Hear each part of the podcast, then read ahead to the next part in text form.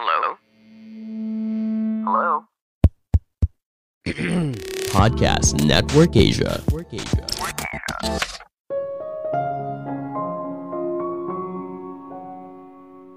Kemampuan otak kita sebenarnya tidak terbatas. Kita hanya tidak menggunakannya secara maksimal. Halo semuanya, nama saya Michael. Selamat datang di podcast saya, Sikutu Buku. Kali ini saya akan bahas buku Unlimited Memory karya Kevin Horsley. Sebelum kita mulai, buat kalian yang mau support podcast ini agar terus berkarya, caranya gampang banget. Kalian cukup klik follow. Dukungan kalian membantu banget supaya kita bisa rutin posting dan bersama-sama belajar di podcast ini. Buku ini membahas bagaimana kita bisa meningkatkan kemampuan otak untuk belajar lebih cepat, mengingat lebih banyak, dan bekerja lebih produktif. Banyak orang tidak pernah menyentuh 10% dari potensi memorinya. Kita terbiasa melatih otak kita untuk memiliki perhatian yang pendek. Alhasil, banyak orang yang tidak bisa fokus dalam waktu yang lama. Misalnya, rata-rata orang melihat handphone mereka 50 kali sehari. Kita membaca email, berita, media sosial, dan sebagainya. Di saat kita seharusnya menghabiskan waktu untuk keluarga dan orang yang dicintai. Saya merangkumnya menjadi tiga hal penting dari buku ini. Pertama, kenapa memori begitu penting? Memori adalah fondasi dari hidup manusia. Apa pun yang kamu tahu tentang dirimu sendiri dan hidup yang kamu jalani sekarang berasal dari memori. Sebuah memori yang bagus akan memberikan manfaat tersendiri, bisa menyimpan dan mengakses informasi dengan cepat, membuat hubungan antar informasi, menangkap peluang, dan meningkatkan kecerdasan secara umum. Sebagai penderita disleksia, penulis kesulitan mengikuti pelajaran sekolah sejak kecil. Setelah lulus sekolah, dia mulai belajar tentang otak manusia dan menemukan kalau memori dapat diperkuat dengan latihan dan penggunaan rutin, seperti halnya keahlian yang lain. Penulis pun mulai membaca banyak buku, mewawancarai orang dengan memori yang hebat, dan berlatih berbagai teknik. Alhasil, penulis mampu menyerap empat buku dalam seminggu dan belajar lebih cepat daripada rata-rata orang biasa. Pada tahun 1995, penulis berhasil masuk dalam lima besar kejuaraan memori dunia dan diberikan penghargaan International Grandmaster of Memory dari Brain Trust, penyelenggara acara tersebut. Pada tahun 1999, penulis memecahkan rekor dunia untuk The Average of Memory Test, di mana dia harus mengingat 10.000 angka dari pi. Lalu dia harus bisa menjawab 5 angka sebelum dan sesudah dari angka yang diucapkan oleh juri. Dunia selalu berubah, kita selalu belajar hal baru terus-menerus untuk bisa terus berkembang. Namun sayangnya, kita sering kali menghambat diri kita untuk maju. Kita suka bilang, saya tidak cukup pintar, saya terlalu tua, atau saya tidak punya waktu. Namun kita bisa melatihnya untuk semakin kuat. Pertama, hilangkan konflik batin. Mungkin otak kita berisi begitu banyak pikiran, mungkin ada yang muncul terus-menerus meminta perhatian kamu segera Nah, bagaimana caranya untuk bisa menghilangkan semua itu? Tentu saja kita perlu berlatih mindfulness atau kesadaran batin. Tapi ada cara yang lebih mudah. Kamu bisa memulai dengan berhenti multitasking. Menurut para ahli neuroscience, multitasking dapat memperlambat kerja seseorang hingga 50%. Bukan hanya itu, hal ini juga meningkatkan kesalahan hingga 50%.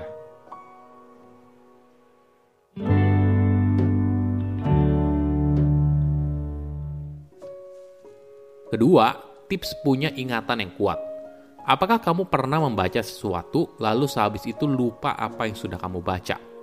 Penulis memberikan tips yang bisa kamu coba. Gunakan kreativitas untuk membuat informasi itu mudah diingat. Misalnya, kamu ingin menghafal kata tertentu, maka kamu bisa menggunakan kata yang punya nada yang sama. Sebagai contoh, kamu sedang belajar kata polo, kata dari bahasa Spanyol untuk ayam. Coba bayangkan dirimu bermain polo sambil mengendarai seekor ayam yang besar. Pastinya kamu tidak akan lupa kata tersebut. Rumusnya seperti ini. Untuk membuat apa yang kamu bayangkan menarik, gunakan metode C, senses, exaggeration, dan energize. Yang pertama senses. Informasi masuk ke dalam otak melalui panca indera. Jadi, ketika kamu ingin mengingat kata kuda, penting untuk membayangkan kulitnya, aromanya, sentuhannya, dan bahkan rasanya. Dengan cara ini, kamu telah menciptakan gambar multisensor yang lebih mudah diingat dibandingkan empat huruf tersebut. Kedua, exaggeration. Coba bandingkan, mana yang lebih mudah kamu ingat, seekor kuda biasa atau kuda berwarna pink yang menggunakan tuxedo. Tidak perlu harus selalu diterima logika, gunakan fantasimu dan buatlah menarik. Ketiga, energize. Bayangkan seekor kuda yang sedang berlari menuju matahari yang terbenam. Pastinya lebih menarik kan daripada seekor kuda yang hanya diam di kandang. Nah, langkah selanjutnya adalah kamu harus bisa menyimpan informasi tersebut ke dalam memori jangka panjang. Cara terbaik yaitu menggunakan Loci Method atau dikenal sebagai Root Method. Intinya, ini merupakan latihan untuk menggabungkan informasi baru dengan informasi yang sudah ada. Bayangkan kamu sedang mengingat kalimat yang harus kamu ucapkan saat pidato. Kamu bisa membayangkan sedang berjalan keliling rumah melalui rute tertentu. Di setiap ruangan, kamu akan mengambil tiga barang spesifik dan susun dalam sebuah urutan. Misalnya, kamu memulainya di dapur, lalu ada kata liburan. Bayangkan ada foto liburan sekeluarga di pintu kulkas. Cara ini efektif karena kamu berada di lingkungan familiar sehingga memudahkan kamu untuk mengingat.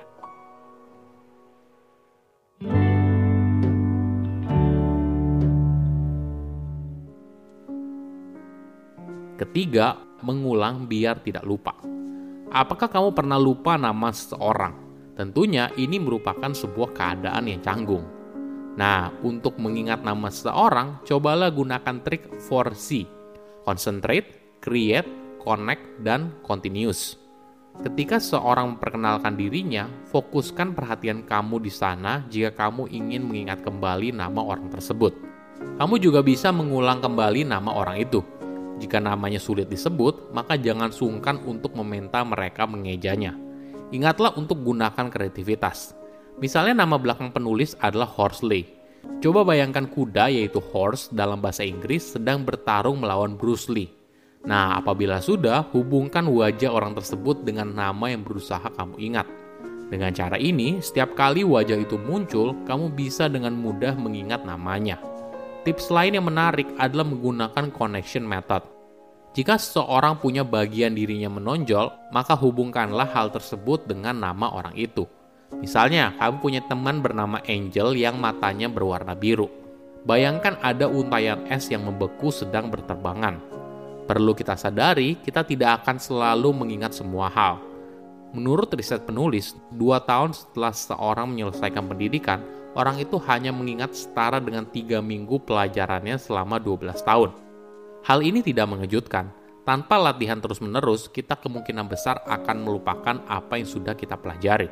Jadi, setelah kamu belajar sesuatu yang baru, kamu perlu melakukan review keesokan harinya – lalu tiga hari berikutnya, tujuh hari berikutnya, dan sebagainya.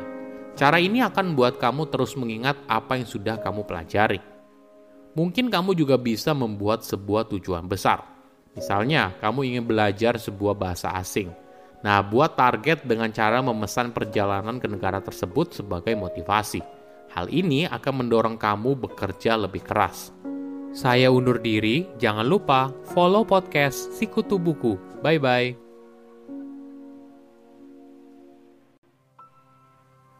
Pandangan dan opini yang disampaikan oleh kreator podcast, host, dan tamu tidak mencerminkan kebijakan resmi dan bagian dari podcast Network Asia. Setiap konten yang disampaikan mereka di dalam podcast adalah opini mereka sendiri dan tidak bermaksud untuk merugikan agama, grup etnik, perkumpulan, organisasi, perusahaan, perorangan, atau siapa pun dan apa pun.